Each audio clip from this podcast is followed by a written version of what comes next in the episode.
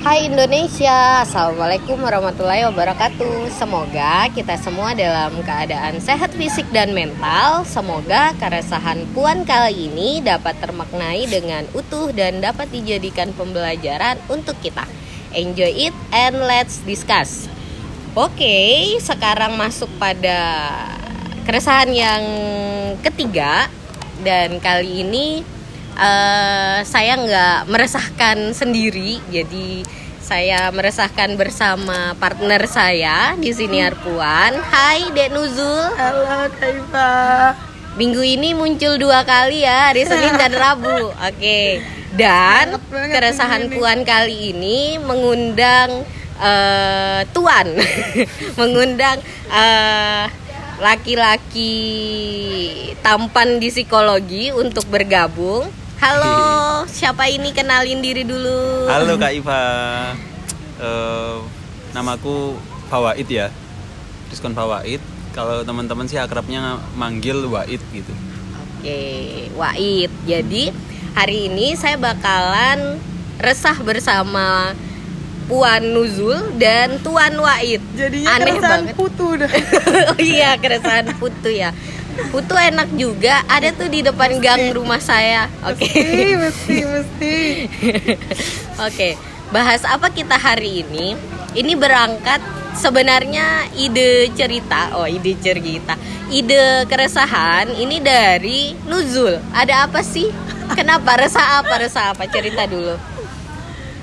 Sebenarnya tuh bukan resah resah sih lebih ke arah kemarin tuh kan ada sebuah fenomena nih ya kurang-kurang jadi gini ceritanya oh iya, iya. kurang nuzul iya. banget ya ah, kurang nuzul jadi banget. gini ceritanya gimana tuh kemarin kan ada sebuah fenomena yang cukup viral di jembatan Suhat Malang. Oke, di Suhat. Uh, uh, uh, nah, jadi kan buat yang nggak tahu nih, jadi kemarin tuh ada salah satu seorang mahasiswa yang mencoba bunuh diri baru percobaan sih memang belum bunuh diri gitu. jadi nggak mati ya sayang sekali oke lanjut lanjut terus nah dari info yang aku dapatkan berdasarkan sosial media yang sebenarnya nggak tahu sih itu kebenarannya seberapa valid mm -hmm. cuman kalau dari situ tuh penyebabnya adalah salah satunya skripsi nih Oke, skripsi. iya, skripsi. Mahasiswa tuh seneng banget ngobrolin hmm. skripsi. Tapi sebenarnya nggak skripsi aja kalau si mas-mas itu ada faktor-faktor okay. lain. Mas-mas ternyata ya. Iya, mas-mas. Tapi mas, bukan Mas Wahid. Oke, okay, bukan. Mas karena Mas Wahid sudah bersama kita iya, sekarang. Iya, benar. Nah, karena dia tuh ada kalau nggak salah sih dia ada masalah sama uh, ibunya meninggal, -hmm. terus ada masalah sama pacarnya juga kalau nggak salah sih putus. Mm, jadi kayak complicated mm, banget gitu. Mm, nah ditambah skripsi tuh.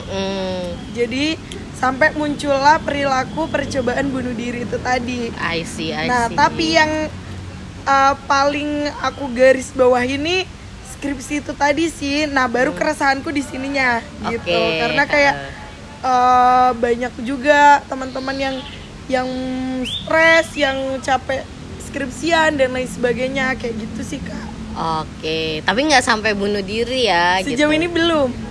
Nauzubillah jangan enggak sampai. Iya, enggak lah, enggak lah. Jadi uh, seperti yang sudah-sudah kan kita tahu kalau misalkan uh, saya sangat dekat dengan dunia pendidikan ya. Jadi selalu ngobrolnya bareng mahasiswa. Nah, termasuk kali ini gitu. Jadi pengennya memang bahas hal-hal yang mahasiswa banget gitu uh, tentang skripsi yang menjadi uh, momok bagi mahasiswa semester akhir. Sebenarnya saya nggak setuju sih sama semester akhir itu karena nggak tahu berakhirnya sampai kapan gitu. Kayak rinduku padamu. hampir ya hampir. Abaikan itu. Jadi uh, kok skripsi sih emang kenapa? Kan nuzul udah selesai gimana tuh? Kalau aku sih memang sudah selesai, tapi kan aku hidup nggak sendirian kak. Aku oh, punya teman gitu. Dan uh, itu menjadi keresahan teman-temanku orang-orang di lingkunganku gitu. Bahwasanya skripsi itu hal yang anjir lah kayak gitu loh. Jadi ini masuk kelompok orang yang uh, menuliskan folder skripsinya jadi skripsit jadi saya nemu dua gitu dua dua nama skripsi yang satu skripsi yang satu script suite nah em, Wahid ini adalah salah satu mahasiswa saya yang juga bergulat dengan skripsi keseharian di kampusnya ya. Ter- Kalau Wahid sendiri gimana sih memandang skripsi? Sit atau suite? Iya. atau yang lain? Kalau sejauh ini sih emang shit ya emang. Emang Ini ya, ternyata ini ya. sit. Oke. Kita belum menemukan ini ya kenikmatan sweetnya. mengerjakan sweetnya itu belum lah ya. Jadi karena yang saya lihat dari skripsi ini saya ngelihatnya itu skripsi ini beban terus penghambat orang buat senang-senang gitu ya. Oke. Jadi akhirnya ya sejauh ini belum melihat itu Manis. sebagai suatu hal yang manis gitu. Iya. Itu sih. Nah, semoga skripsinya aja yang sit tapi dosen pembimbingnya sweet. Perempuan kan ya dua-dua? Dua-dua perempuan dosen pembimbing saya. Iya, oke. Amin amin. Semoga manis gitu. Karena memang di psikologi itu mayoritas perempuan gitu. Jadi dosen pembimbingnya Wahid, dosen pembimbingnya Nuzul itu perempuan semua dan saya perempuan. Apa sih? Nggak jelas. Iya. Oke. Nah, jadi eh, sebenarnya memang mm, ini tuh sengaja gitu eh, keresahannya dibahas bareng-bareng. Eh, kalau saya yang bahas sendiri nanti tuh langsung jadi perspektif gimana sih dosen-dosen melihat orang eh kok orang mahasiswa ngerjain skripsi gitu karena kan saya pendidik statusnya tapi kalau saya ngajakin eh, Nuzul yang istilah kerennya fresh graduate gitu eh, sama Wahid yang on progress. Nah itu gimana sih memandang skripsi itu gitu? Itu kan nggak dari perspektif saya aja itu perlu nggak sih saya bilang menurut saya gimana skripsi itu? Skripsi itu adalah makalah yang diteliti gitu. jadi sesuatu yang dari semester 1 dikerjain gitu menyusun eh, tulisan-tulisan rangkaian ilmiah yang kemudian Mm-mm. ya udah diteliti aja gitu. Terus diujikan. Selesai deh. Gampang bukan? Wah, gampang sekali. pasti yang bertahun-tahun ngerjain skripsi kesel banget dengan ini. Oke oke. Apa sih yang membuat Wahid melihat itu sebagai penghambat gitu? Sesulit itu kah ngerjain skripsi? Jadi eh, aku nih Mbak ya melihatnya tuh skripsi ini karena memang orang ini kan eh, mau melakukan sesuatu ada beberapa ini ya beberapa hal yang menjadi penunjang orang melakukan sesuatu ya faktor ya. Kayak contoh nih kalau kita mau berangkat ke kampus kenapa kita semangat? Salah satunya mungkin karena kita punya teman-teman yang asik di kelas. Benar. Dosennya asik terus atau mungkin kalau semisal kayak Mbak Nuzul gitu ya ada pacarnya di kelas misal gitu ya. oke oke. Fitnah banget, heran. oke oke. Gitu ya. Jadi Mbak Nuzul kan bisa semangat gitu kan karena ada pacarnya di kelas saya gitu ya. ngingat-ngingat kelasnya Nuzul dulu ada siapa aja Gak Oh, ada ya. masalahnya. budakmu yang banyak ya di sana. Oke lanjut. Banget. Nggak, tapi maksudnya saya lebih spesifik ke contoh nih teman-temannya Mbak Nuzul yang saya memang kenal itu asik-asik lah temennya di kelas nih. Humornya eh, sense of humornya eh, bagus-bagus lah kalau saya ngelihat lah. Lah kayak gitu kan bikin orang jadi eh, dapat reward secara singkat untuk datang ke kampus untuk mengerjakan tugas untuk melakukan sesuatu. Pokok ada alasannya Ada lah alasan. gitu ya terus ketika contoh nih semisal laki-laki nih ya Mbak ya. Ini saya analogi dulu ya. Eh, mau datang ke nyamperin ke kosan ceweknya gitu antar makanan kah bunga kah apa gitu semisal. Itu ya Ini karena memang pacarnya grab. Oh kan. Antar laundry gitu gitu ya sabu gitu. Tapi semisal kayak gitu karena ya memang di situ nggak ada sisi pengorbanan karena dia dapat reward yaitu membuat eh, apa ya tak pikir senyum pasangannya itu udah reward untuk dia Aduh, tak pikir, aduh. tak pikir sikap-sikap perilaku kita ini juga sisi lain itu juga reward dan punishment. Lah, skripsi ini, ya skripsi ini, saya ngelihatnya rewardnya itu jangkanya terlalu panjang menurut saya karena baru kerasa itu ya setelah sidang gitu dan sidang itu cukup juga jauh. setelah revisi ya Heeh. dan re- eh, terus Iya. dan dan juga malah yang terjadi itu setiap kali pertemuan itu nggak dapat reward, dapatnya punishment gitu. I see, I Akhirnya see. rentang waktu pendek-pendek ini kita dapatnya punishment, punishment, punishment sehingga kadang kita jenuh gitu. Apalagi kalau dalam proses pengerjaan ada beberapa detail ilmiah yang memang tahapannya harus dilewati sedangkan kita perlu ketelatenan di situ. Akhirnya dapat lagi dalam jangka yang lebih pendek selain dari saat bimbingan revisi tapi juga saat pengerjaan pun kita juga dapat punishment gitu. Ah, I dengan see, kita see. jengkel gitu. Lah itu yang yang sejauh ini yang saya rasakan sehingga eh, saya ngelihat skripsi ini sebagai beban, sebagai aduh kok kenapa sih kok nggak apa kata aku aja gitu loh. Skripsi ini tak tulis ya udah ini loh Bu gitu tak ajukan karena kita harus menggunakan eh, tahapan-tahapan ilmiah dalam perspektif dosen pembimbing gitu ya. Yang yang tanda dalam tanda kutip ilmiahnya perspektif eh, apa dosen pembimbing gitu Oke. dan itu pada sisi eh, sisi luar ya sisi luar yang ada variabel dari dosen pembimbing kalau dari variabel diri kita sendiri ya tak pikir eh, akhirnya kita memupuk karena punishment punishment tadi akhirnya kita ini ini jadi pupuk akan rasa malas itu padahal tanpa ada pupuk itu rasa malas sudah ada dalam diri kita sendiri gitu kan diri saya pribadi lah.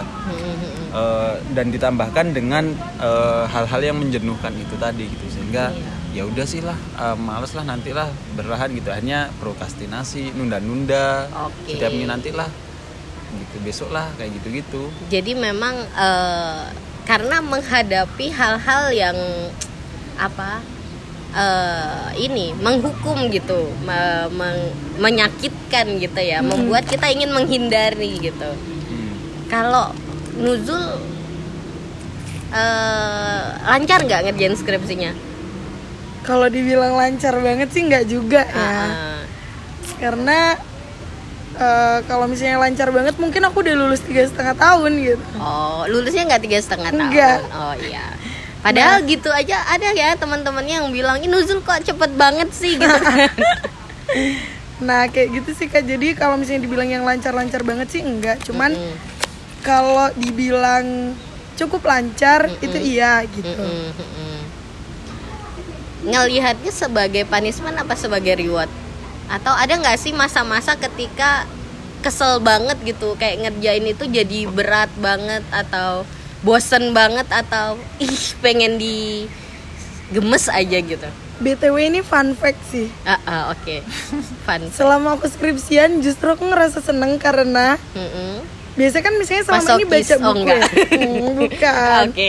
Saya kan selama ini kan baca buku ya. Ah, Tapi kan eh, mungkin memang ada beberapa yang non fiksi, tapi tidak seilmiah yang kita baca ketika kita membaca jurnal, ketika kita membaca I see, I buku-buku eh, dengan judul-judul yang psikologis banget gitu dan eh, yang bikin aku seneng Mm-mm. itu tuh karena misalnya nih, aku kan emang suka sharing ya orangnya. ah, ah, ah. Nah, jadi misalnya aku lagi baca jurnal yang ada kaitannya sama skripsiku, terus aku menemukan hal yang sebelum-sebelumnya aku nggak pernah tahu, nggak pernah Oh, dapetin iya. ini di kelas kayak I gitu. see, I see. Nah, terus aku seneng jadinya kayak ngasih tau orang Iya. gitu "Ah, ya. nggak sih Oh, iya, kemarin iya, aku iya. baca jurnal ini, terus Mm. di situ tuh dikasih tahu loh bahwasanya Oh, iya. ternyata penerimaan diri cewek dan cowok tuh beda, misalnya kayak Iya, gitu-gitu. iya. Nah, itu jadi kayak bikin aku seneng banget loh buat baca jurnal gitu. Oke, jadi memandang itu sebagai Hal eh, yang menyenangkan ah, ah, gitu, Hal yang bisa saya bagi nanti ke orang Nah, lain. kalau skripsinya gitu Ah, ya, ah, cuman iya.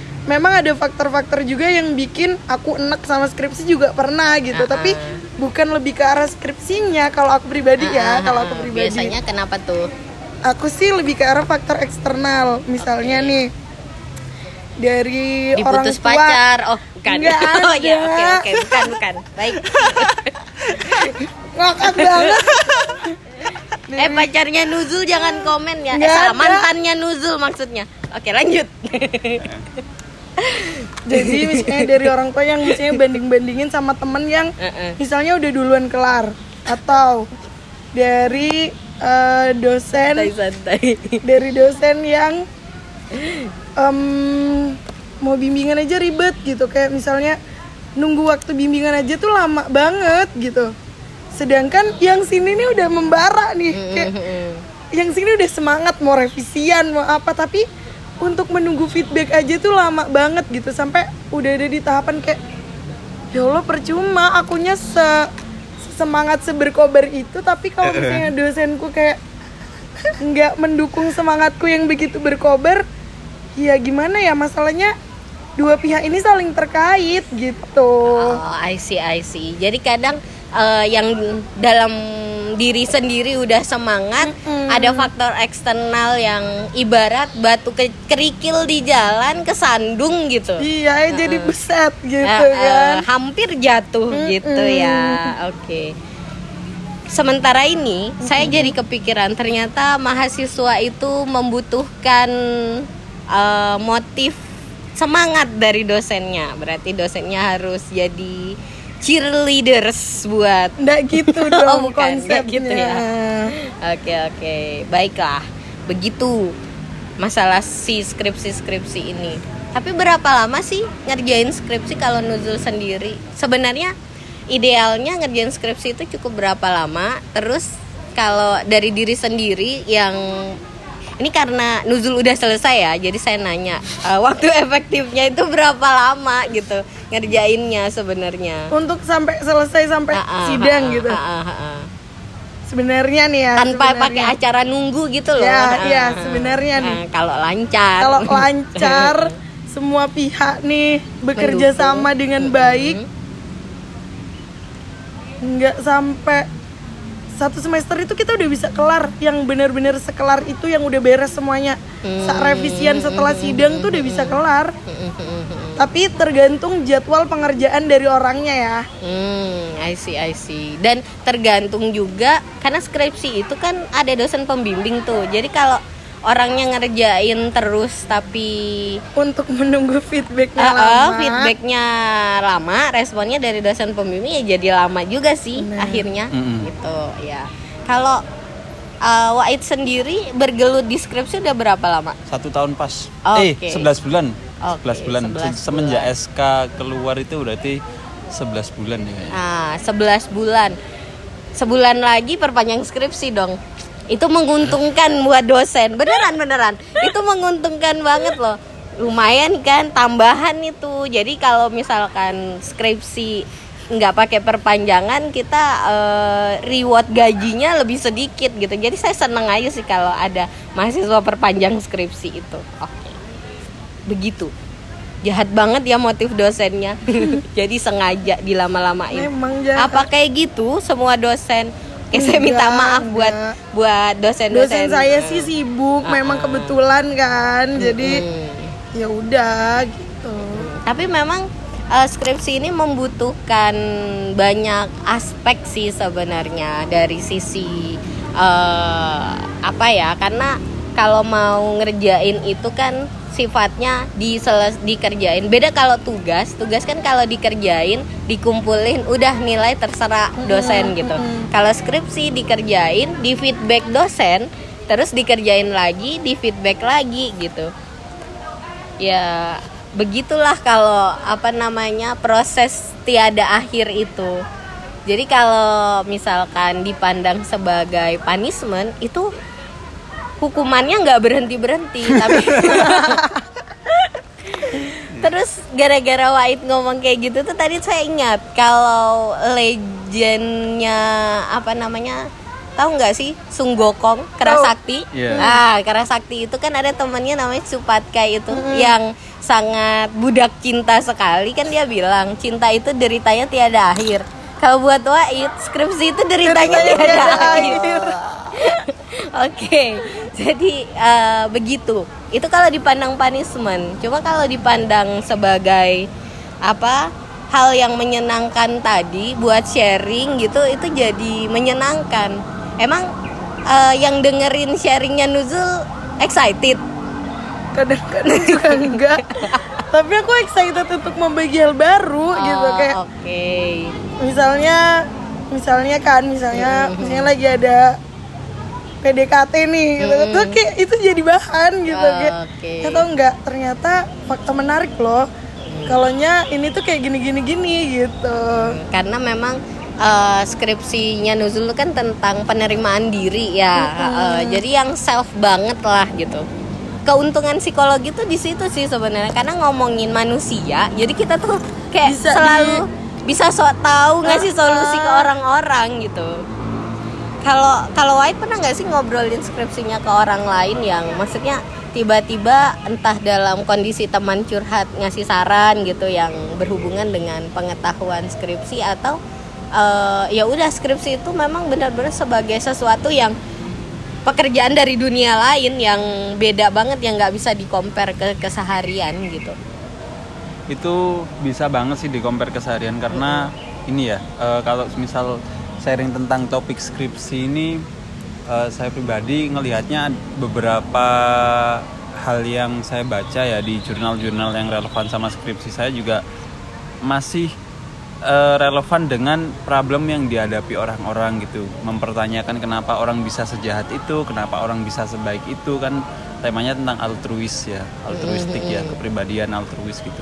Menolong orang lain tanpa memper, eh, tanpa alasan tertentu gitu alasan motif atau motif-motif tertentu gitu. Jadi naluri ha- hal-hal kayak gitu itu s- menarik untuk disaringkan ke teman-teman sebenarnya. Kalau saya pribadi sharingnya menarik. Dalam proses menuliskannya yang kadang itu menjengkelkan kalau saya. Karena kan apa harus ada definisinya yang memang yang Kaku tadi saya lihat, gitu iya, ya. yang memang harus pakai tinjauan ilmiah.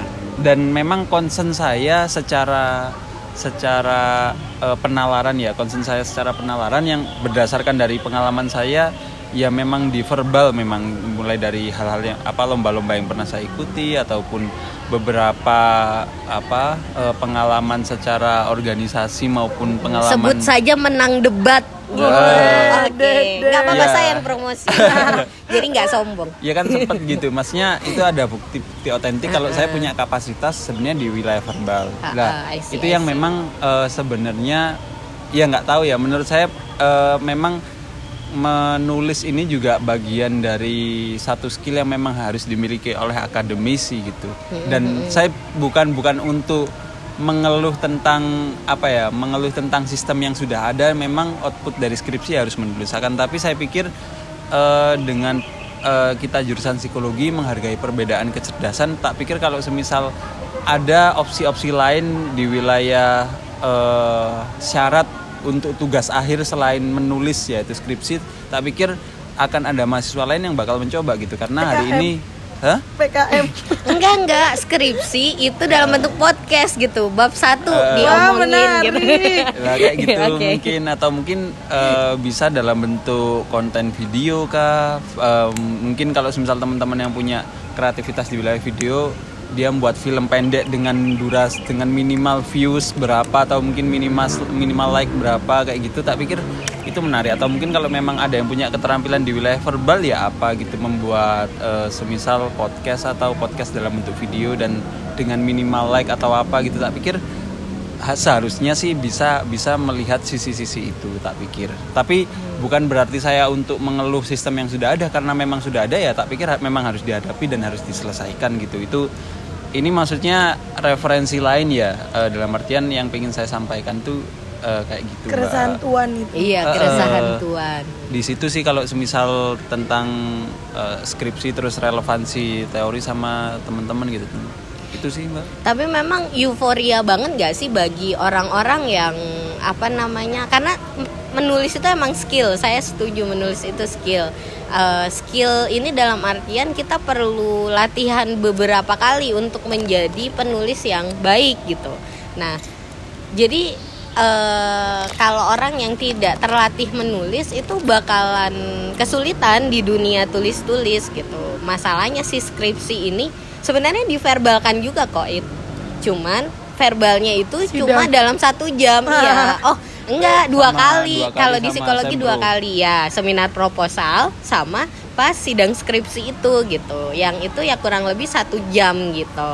Nah masalahnya sebelum terverbalkan itu harus tertuliskan. Tertuliskan. Agak maruk ya pendidikan di Indonesia. Pengen semua bisa begitu. iya Heeh. Tapi memang untuk menunjukkan bahwa dirimu eh, cukup layak sebagai orang yang terdidik ya harus gitu, harus semua bisa gitu. Nah, Iya. itu. Berat ya jadi orang yang terdidik. Saya mengaku mulai sekarang bukan orang terdidik deh, biar ringan. mana bisa Iya, apalagi masih galau-galau overthinking sama hal-hal lain. Oke, itu keresahan yang lain, nggak usah dibahas di sini.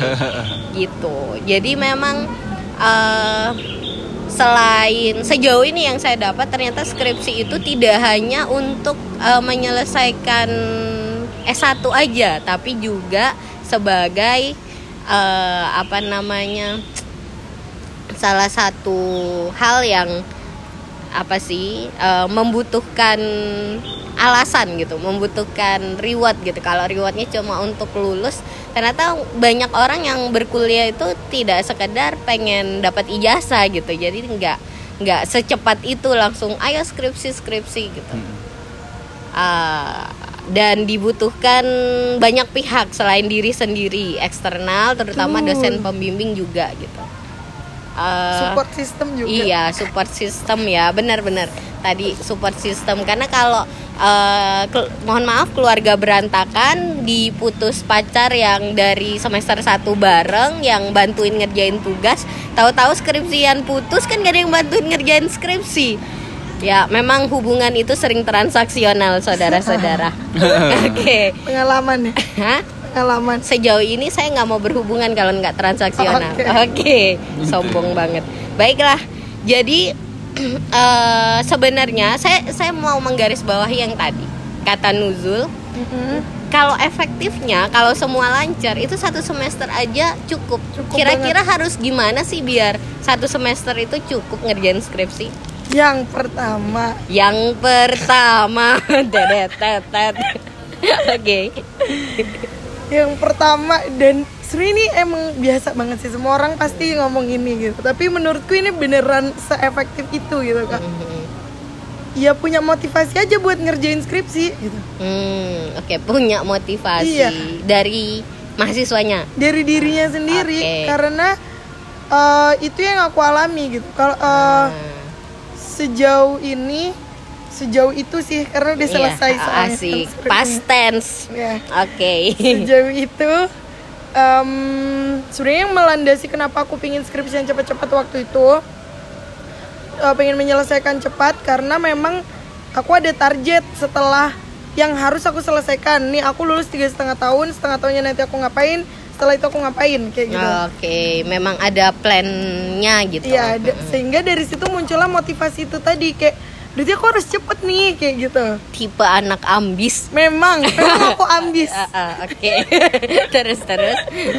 Nah kayak gitu. Cuman eh, kalau misalnya nggak ada plan, cukup motivasi aja sih. Kayak dan motivasi itu eh, bisa juga sebenarnya datangnya nggak dari diri sendiri. Karena ini eh, pengalaman temen Yang lain. terdekatku Mhm. gitu, yang mana dia sempat di tahap yang udah nggak ada motivasi nih buat ngerjain gitu. Tapi ketika muncul sosok baru dalam hidupnya gitu, ah, sebut alias saja. pacar Oke. gitu Ah, ah. itu tiba-tiba jadi bikin dia termotivasi untuk lulus lagi jadi kayak termotivasi buat ngerjain skripsi lagi kayak gitu Tapi saya ada juga sih dulu itu teman yang diginiin karena jadi memang pacarnya tuh lebih tua ya. Terus Hmm. ngomong gini, saya mau ngelamar gitu kan. Eh, bukan mau ngelamar, udah udah ke orang tuanya karena sering gitu. eh, ngelamar. Terus orang tuanya bilang, "Oke, tapi dia harus lulus gitu." Akhirnya dia kayak semangat ngerjain Kan?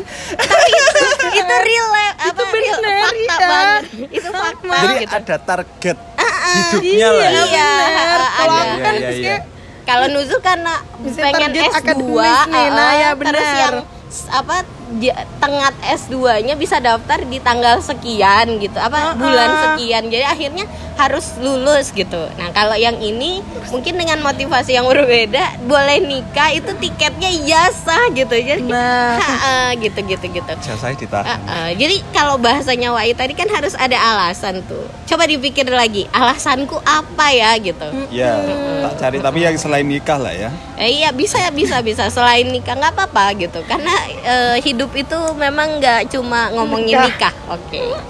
Iya. Oke Nanti coba- jadi bahasan yang lain lagi. Terus Iya. ada lagi nggak?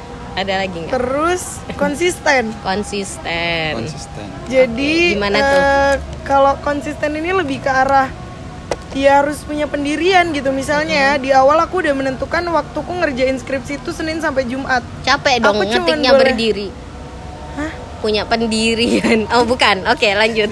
Mana nggak nyampe lagi jokesnya tadi. Iya oke baik. Jadi misalnya aku udah loh.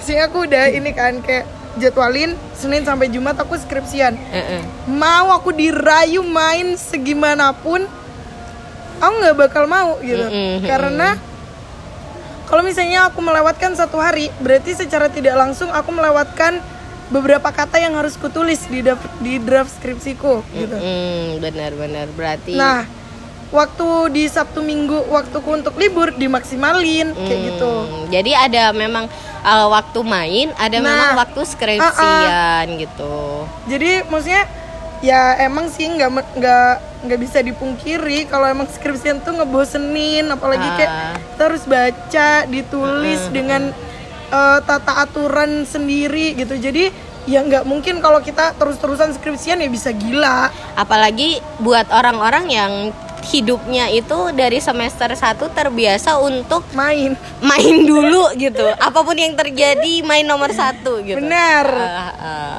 aku Oh, itu iya, iya, iya. Iya kan gitu. Cuma main di sini sebenarnya tiap orang beda-beda. Jadi main bukan berarti dalam artian main eh, main gobak sodor gitu nggak gitu juga konsepnya. Jadi ada yang eh, mungkin nonton, ada yang mungkin membaca buku lain selain baca. Entah kenapa saudara-saudara membaca jurnal itu mengantuk satu paragraf aja ngantuk tapi baca novel itu berlembar-lembar nggak ngantuk kan itu bagi yang suka baca novel gitu. Nanti lain lagi nih ceritanya buat yang suka baca webtoon atau wetpad gitu-gitu kan Ya, tiap orang punya mainnya masing-masing. Baca WA iya baca WA bener bener. Baca grup. Atau baca grup video. TikTok. Loh ya. Scroll TikTok sampai Oke. jelek. Mm-mm. Kalau apa namanya eh, berangkat dari tips kedua tadi, Wahid sendiri pernah nggak sih bikin target atau eh, Timeline. ah, ah, ah, kayak gitu? pernah ya dan terlampau ya target targetnya itu. Maksudnya masih kalah sih sama males itu dan memang kayak memang targetnya ini ya hmm, targetnya udah ada terus akhirnya terlampaui. Terus yang memang target yang lebih besar sih nanti ya kayak contoh sekarang kan ini bulan September nih. Ini saya juga ada tanggung jawab buat penyelesaian skripsi nih. Eh, itu sampai November ya dalam lingkungan eh, lingkungan organisasi lah yang memang mengharuskan persyaratan saya untuk tetap bisa berorganisasi itu dengan harus lulus S1 maksimal di bulan November. Kayak ayah temen saya tadi ya persyaratan lu Iya. eh, nikah harus dengan Eh, ijazah. cuma kalau ini organisasi dan Oke, kan ha. ini maksudnya Umat. saya juga punya passion passion di di organisasi tersebut sehingga ini jadi dorongan saya. Dan karena ini masih dua bulan jadi kayak saya ah masih dua bulan lah. Eh, eh, ini tipe tundalah sehari tunda sehari gitu. Tipe mahasiswa yang ngerjain mepet deadline, akhirnya Hmm. gitu. tapi aku eh, eh, tugas juga selalu mepet deadline kak kalau ngerjain. Eh, eh. baru skripsi ya? Baru skripsi Ternyata- Yang nggak nggak mepet deadline. ternyata skripsi itu juga bentuk kepribadian juga tuh berarti. Maksudnya menempa kepribadian kan akhirnya untuk Benar, lebih benar. konsisten karena tak pikir memang sebenarnya output output dari akademisi itu untuk menjadi individu yang lebih konsisten dalam mengikhtiarkan sesuatu gitu mengupayakan sesuatu gitu. Tak pikir salah satu outputnya itu di sana gitu. Dan eh, kenapa sebenarnya skripsi ini penting menurutku ya untuk menempa kepribadian? Karena itu dan ya sisi sisi lain yang mungkin kalau misal saya pribadi melihat saya punya kesadaran tentang bahwa saya sedang nggak baik-baik saja di wilayah ini gitu. Untuk eh, konsistensi saya dalam mengikhtiarkan sesuatu dan itu memang kalau saya tangkap sedari dulu kenapa saya belum sampai pada titik punya capaian yang sangat besar karena saya nggak punya konsistensi untuk mencapai tujuan tertentu gitu makanya Oke. eh, ya skripsi adalah eh, karakter building juga gitu ketika kita mampu untuk konsisten dalam pengerjaannya. Makanya disayangkan kalau sampai skripsi ini pada akhirnya em, ya menggunakan jasa nulis atau apa itu disayangkannya di situ gitu. Karena benar. eh, karena se semolor-molornya jangan sampai lah kalau saya pribadi. Meskipun kalau saya pribadi punya berkemampuan untuk untuk ke sana ya akses juga ada tapi saya memilih untuk enggak gitu. Meskipun ditawari juga saya memilih untuk enggak. Karena tak pikir saya tahu kok saya punya kesadaran tentang itu. Dan saya tambahkan tadi kenapa kok kalau saya pribadi skripsi atau orang lain nih ya terlena dengan malas-malasan ketika kita ini bicara tentang main jalan-jalan reward untuk diri kita sendiri ya. Self reward untuk diri kita sendiri. Dan bahasa milenial milenial juga adalah self healing juga ya. Self reward lah self healing dan itu ternyata dilakukan ketika kita tidak berprogres gitu akhirnya memanjakan sifat kemalasan kita orang itu kan penting untuk memberikan self reward ketika dia itu udah berprogres nih dia Ah, ah. punya punya ada pencapaian ada lah pencapaian ya, nih gitu, baru kalau dikasih reward kita hitunglah pencapaiannya di skripsi itu ada ada tujuh gitu ya bab 1 2 3 4 5 beserta eh, Sempro. sempro dan juga sidang jadi ada Sidang. ada tujuh Oke. tujuh tahapan reward nih ya Ha-ha. Eh, lah belum sampai ke titik tahapan A kita udah memberikan reward. Saat kita males-malesan terus kita ah main ah jalan ah. Sehingga yang kita berikan reward itu ya kemalasan kita itu tadi gitu. Dan itu me- melanggengkan atau me- memupuk kemalasan dalam diri kita. Dan tak pikir ini berlaku dalam hal apa pun ya. Iya. Makanya saya sangat menyayangkan sih sebenarnya ya. Termasuk ini ini juga nasihat untuk saya sendiri gitu. Self Ketika- reminder guys. Self reminder. Ketika kita, saya nggak ngapa-ngapain di kosan terus tiba-tiba ah jalan ah ah main ah. Eh, itu sangat disayangkan karena itu bentuk pemupukan terhadap rasa malas gitu. Jadi ya eh, di betul-betul dihindari sebisa mungkin itu dihindari untuk untuk memberikan reward saat kita nggak melakukan apa pun nggak berprogres atas apa pun. Ta- eh, tapi pernah nggak sih kayak eh, melawan itu gitu? Karena kalau ini tuh lebih ke kayak musuh terbesarnya diri sendiri kan ya? Mm-mm. Ah, ah. nah itu pernah nggak eh, coba aku sadar nih bahwa itu adalah eh, salah gitu. Aku belum selesai kok aku udah jalan-jalan gitu. Akhirnya ngelawan itu tuh pernah nggak? Iya, eh saya pernah coba untuk karena ini ya tentang menunda untuk keluar itu saya ketemunya ya akhirnya cuma diem aja sih sebenarnya. Jadi lebih ke ya sendirian di kosan nonton film. Jadi nggak nggak sampai keluar. Saya ngelawannya itu nggak untuk keluar karena memang saya nggak terlalu secara pribadi nih ya. Saya nggak terlalu seneng jalan atau keluar main itu kan nggak terlalu sebenarnya. tapi tetap nggak bisa ngerjain juga gitu Tapi ya kayak, itu kayak maksudnya ketahan gitu eh, ya. maksudnya saya nggak nggak melakukan hal itu tapi juga nggak berprogres juga gitu. Jadi dua dua hal ini nggak nggak saya lakukan gitu. Jalan-jalan juga nggak berprogres juga nggak juga gitu. itu sih yang eh, saya atau lihat. istilahnya stuck stuck ah iya. Jadi Stuck saya gitu. ngelihat pada sisi apa pun itu di di beberapa waktu terakhir saya saya ngelihat skripsi ini kayak saya contoh nih saya mau keluar mau aktivitas apa gitu ya. Eh, yang produktif lah. Contoh ikut seminar diajak ikut seminar diajak silaturahmi yang pro- produktif lah. Ah, ah, terus saya jadi mikir nih mau ikut nih ya mau ikut. Aduh kan aku belum ngerjain skripsi gitu. Tapi meskipun nggak berangkat silaturahmi pun juga nggak ngerjakan skripsi juga Ah, gitu. See, lah kayak gitu. Ah, jadi eh, ada beberapa dilema yang saya menempatkan skripsi sebagai tanggung jawab yang besar ya Ah, atau ah. mungkin bahkan terlalu besar sehingga saya mengesampingkan agenda-agenda lain yang Ah, ah, yang mungkin eh, bisa sekunder buat upgrade diri Iya. tapi eh, eh, tapi kebebanin gitu Eh, akhirnya karena skripsi ini jadi batu besar untuk saya terganjal ngelewatin jalan itu gitu kalau saya ya I see, I see. dan eh, beberapa waktu terakhir ya ya kemarin sih gitu ketemu Mbak Iva kan. Setelah beberapa minggu terakhir ini stuck nggak pernah ketemu Mbak Iva kan ya baru kemarin kan kita ketemu terus ketemu Mbak Iva akhirnya ke refresh lagi tuh. Ternyata ketika kita itu stuck jangan sampai diem sen- diem apa di kamar atau menyendiri enggak harus ketemu orang baru ngobrol sharing. Itu bakal memecah batu besar itu dan kita bakal ngelihat bahwa ya batunya nggak sebesar itu kok. Dan diri diri kita nggak selemah itu kok. I dan see, kita kita bisa ngelihat referensi-referensi lain yang mungkin menyegarkan pikiran kita perspektif kita. Tak pikir karena sebenarnya masalah itu nggak ada yang benar-benar besar.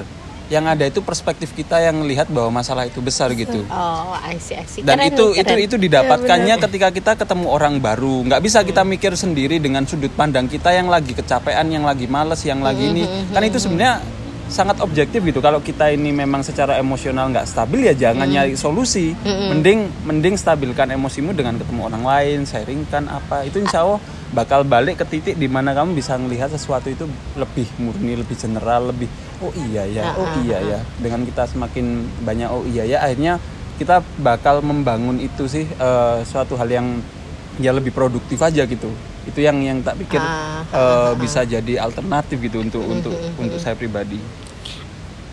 Poinnya sebenarnya bukan itu tapi saya ngerasa spesial aja. Begitu ketemu saya langsung tercerahkan. Oke. Dapat aja poin kerennya. Memang. ya semoga yang pendengar tangkap bukan itu aja ya. Tapi saya sebagai orang subjektif mendengar itu aja gitu. Ketemu saya langsung tercerahkan. Oh yes kalau Nuzul pernah nggak merasa jenuh selama proses ngerjain skripsi? Pasti Karena kan sebenarnya kal walaupun efektif bisa setengah tahun atau satu semester kan lebih dari itu kan ngerjainnya. Iya, lebih, lebih. Ah, ah, nah itu. Terus ngapain tuh Kalau kalau jenuh. ah, ah, kalau jenuh? Kalau aku pribadi sih sebenarnya nggak jauh beda ya sama yang dikata Mas Wahid tadi. Ah, ah. Karena sebenarnya memang eh, kalau misalnya kita jenuh terus kita diem sendiri kita tidak mengungkapkan keresahan itu atau tidak menceritakan itu nggak bakal ada ujungnya gitu.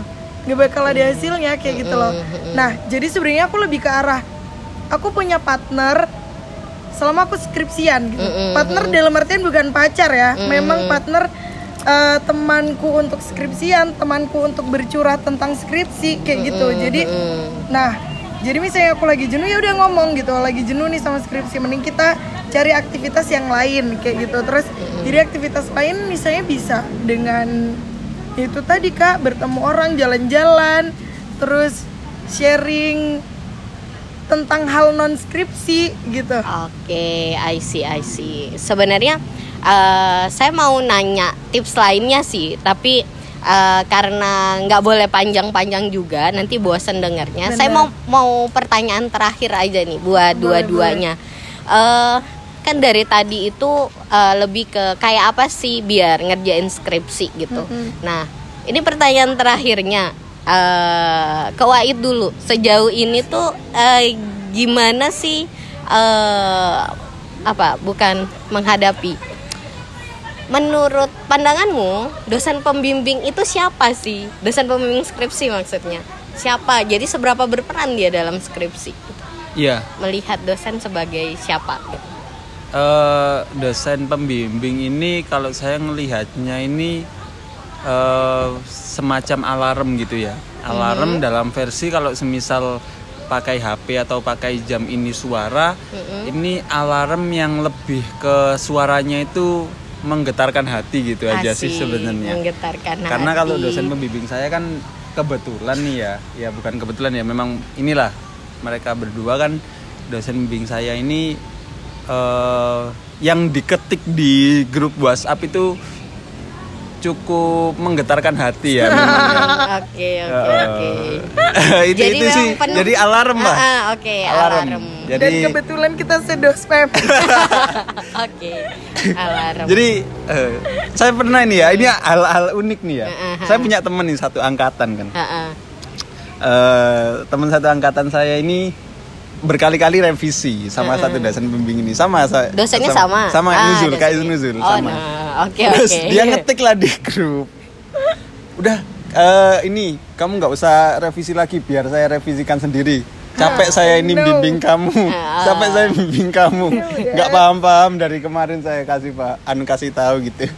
Terus itu ini nggak etis loh disampaikan oleh seorang dosen. Nggak Oke. boleh. Maksudnya nggak di grup gitu loh maksudnya. Iya, di grup ini ada anak yang yang nggak tahu apa-apa ah, terus jadi jadi jadi tahu, ah, ah. jadi tahu si A ini semisal si A ini oh ternyata anak ini Separah itu, iya separah ya. itulah ketika nykripsi gitu jadi terus dan itu kan dibaca oleh yang lain dan ketika mau sharing ke dos ke beliau ya ini saya mencegah untuk nyebut nama ini. Iya benar. Tahan, tahan. Eh, Jangan, jangan, jangan. untuk itu kan juga nanamkan kesan bahwa ini alarm yang luar biasa menyayat hati nih hati-hati Iya. sih kayak gitu. Kadang saya ngelihat eh, itulah alarm yang pada versi tidak tidak didengar Tidak merdu. Oh. tidak hanya didengarkan oleh telinga tapi juga didengarkan Oleh oleh, hati. hati. I see. Gitulah. Iya, ah. Padahal Mantap menurut memang. menurut saya seharusnya dosen pembimbing ini adalah eh, alarm yang tidak hanya didengarkan oleh hati tapi juga didengarkan oleh pikiran gitu. Oh, yang oke. yang saya lihat Ha, ha, ha. eh, signifikansinya nggak terlalu ke sana gitu harusnya untuk untuk sebagai alarm ya. Itu sih yang Hmm, eh, dalam perspektif saya tentang dosen pembimbing. Iya, seharusnya dosen itu jadi alarm, tapi alarm di sini sehar- eh, baiknya yang ke arah positif gitu ya, Iya. tidak tidak membuat alarm yang kayak eh, begitu bunyi malah langsung membuat muka bete gitu. Bergerut. Oke, I see, I see. Oke, kalau Nuzul gimana? Melihat dosen pembimbing itu gimana? Bukan si sosok eh, apa namanya dosen pembimbingnya, Iya, tapi paham, melihat paham, dosen paham, pembimbing skripsi itu kayak apa gitu. Em, kalau aku sih melihat sosok dos dosen pembimbing skripsi itu lebih ke arah ini idealnya ya. Apa Oke. langsung aku ngomong sosok pembimbing skripsiku kemarin? Enggak, bukan or, bukan orang, bukan personalnya, Iya, tapi uh-uh. idealnya. Iya, idealnya kan berarti. Jabatan dosen pembimbing skripsi Uh-uh. itu harus ngapain gitu. Kalau menurutku sih seharusnya sebagai seorang dosen pembimbing itu lebih ke arah bisa menjadi teman diskusi gitu. Hmm, Jadi nggak cuman ngarahin aja kayak kamu harus ganti variabel gitu tanpa ada eh, diskusi antara dua belah pihak karena mau nggak mau tetap penulisnya itu kita loh. Iya. itu kita gitu loh. Ah, ah, benar Jadi benar. kita tuh punya idealis untuk karya Ah, kita gitu. ah. Tapi kenapa kita itu diarahkan dengan secara apa ya kayak dipatahkan gitu loh. Ah. Seharusnya nggak apa-apa kalau memang karena kan memang dosen pembimbing itu jauh lebih paham terkait uh, variabel-variabel yang kita angkat dan lain sebagainya. Tapi cobalah kita uh, didiskusikan terkait hal itu sehingga nggak ada yang gerundel di belakang. Jadi kayak eh, ya antara dospem dan si pe- seseorang yang mengerjakan skripsi itu sejalan gitu. Akhirnya dalam pengerjaannya semangat nih. Eh kayaknya aku nggak ngerti deh yang ini. Coba deh aku tanya sama dosenku gitu.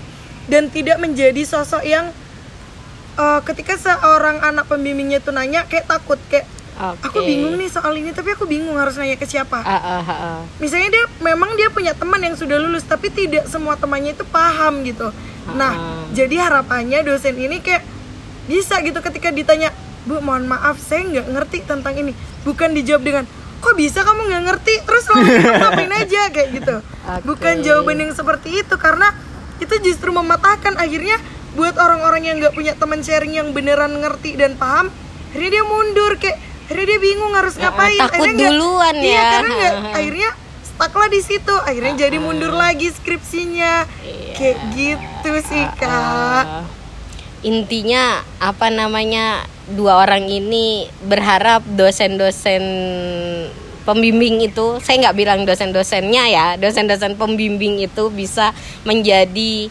teman untuk berdiskusi mungkin seperti itu ya nggak ya nggak ya nggak simpelnya sih begitu Saya nambahkan sih Mbak Oke, ya, saya gimana, nambahkan. gimana? Jadi eh, ada sisi lain yang juga perlu dilihat eh, ini ya sebagai persepsi mahasiswa untuk menghadapi dosen pembimbing ya.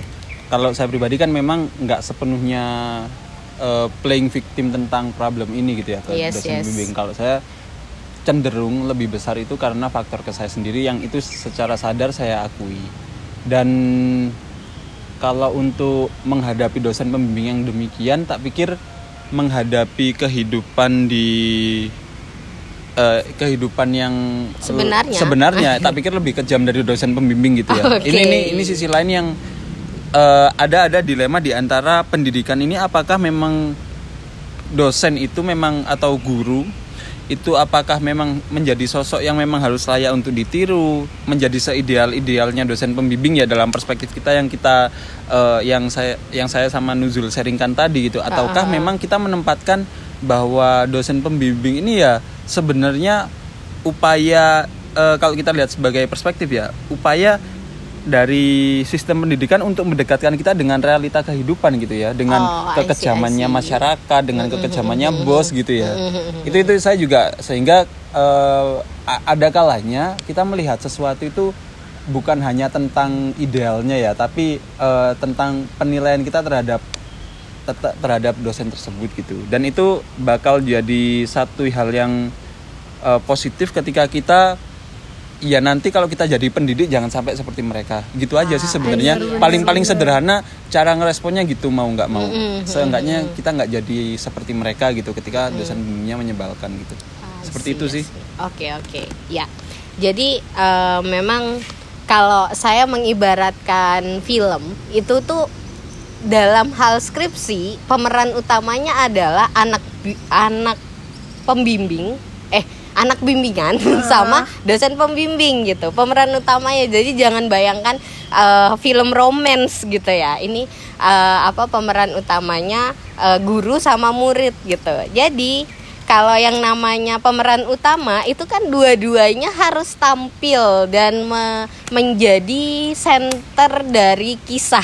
Kalau misalkan berat di salah satu aja itu nggak bakalan jadi gitu. Harus ada dialog antar keduanya. Jadi memang eh, dua-duanya berperan di sini. Karena kalau berat sebelah di mahasiswanya atau berat sebelah di dosennya itu akan menjadi sulit. Karena memang eh, uniknya gitu ini saya tidak berusaha rasionalisasi jadi sepanjang menjadi dosen ketika mahasiswa bergosip tentang dosen gitu dosen bergosip, bergosip tentang tentang mahasiswa, mahasiswa. gitu.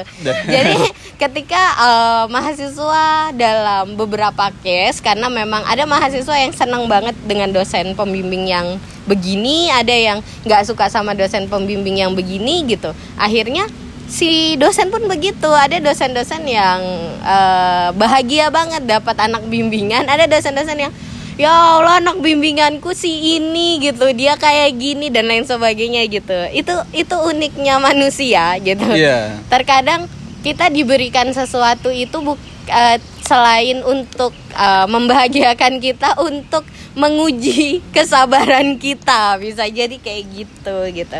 Nah eh, sebelum saya akhiri saya mau bilang terima kasih buat eh, Nuzul dan Waid karena sudah mau sharing-sharing Em, ada apa namanya dua poin yang saya dapat dari eh, bahasan tadi selain eh, saya merasa saya keren. Oh itu. Ya udah gitulah. Jadi dua poin ini adalah ternyata dalam konteks eh, skripsian perskripsian itu ada eh, internal dan eksternal. Bagi mahasiswa yang lagi skrip ngerjain skripsi itu internalnya adalah bergulat dengan diri sendiri proses pendewasaan. Jadi kalau mudah menyerah ya artinya memang karakternya begitu tapi kalau dia gigih gitu artinya karakternya juga sekuat itu Iya. proses diri sendiri juga bagi si mahasiswa ini bergulat dengan bagaimana eh, bisa berpartner dengan dosennya. Jadi dia menyetarakan untuk sebagai teman diskusi. Dalam Hmm. artian eh, tidak takut untuk bertanya, terus itu eh, apa namanya mendapatkan respon yang baik karena kan itu bagian dari pelajaran kehidupan toh gitu. Iya. Ah, ah, itu eksternal, internal dan eksternal. Sebenarnya bagi dosen pun hal yang sama gitu. Jadi eh, dia akan berhadapan dengan perskripsian ini sebagai internalnya adalah bagaimana saya sebagai sosok yang karena kalau dosen di kampus itu kan pendidik gitu. Apakah dia mampu menjadi pendidik untuk eh, membersamai proses skripsi mahasiswanya Hmm. itu secara internal. Mungkin proses pendewasaan juga bahasanya. Nah, juga pihak eksternalnya apakah saya eh, bisa menaklukkan gitu atau bisa eh, membimbing kan tugasnya adalah pembimbing, membimbing berarti membimbing anak didik saya ini untuk menyelesaikan eh, masa akhirnya di perkuliahan. Saya kira gitu. Jadi masing-masing pihak ini per- punya eh, internal dan eksternalnya pro- untuk proses pendewasaan dan membuktikan ke eh, kehidupan bahwa saya mampu loh untuk tugas yang diberikan ini atau kalau dalam film peran yang diberikan ini kira-kira begitu. Closing dari saya pada akhirnya kita adalah orang-orang subjektif yang berusaha terlihat objektif. Semua ingin setara, hanya saja kita tak dilahirkan setara. Ayo bertumbuh. Wassalamualaikum warahmatullahi wabarakatuh. Terima kasih. Waalaikumsalam warahmatullahi wabarakatuh.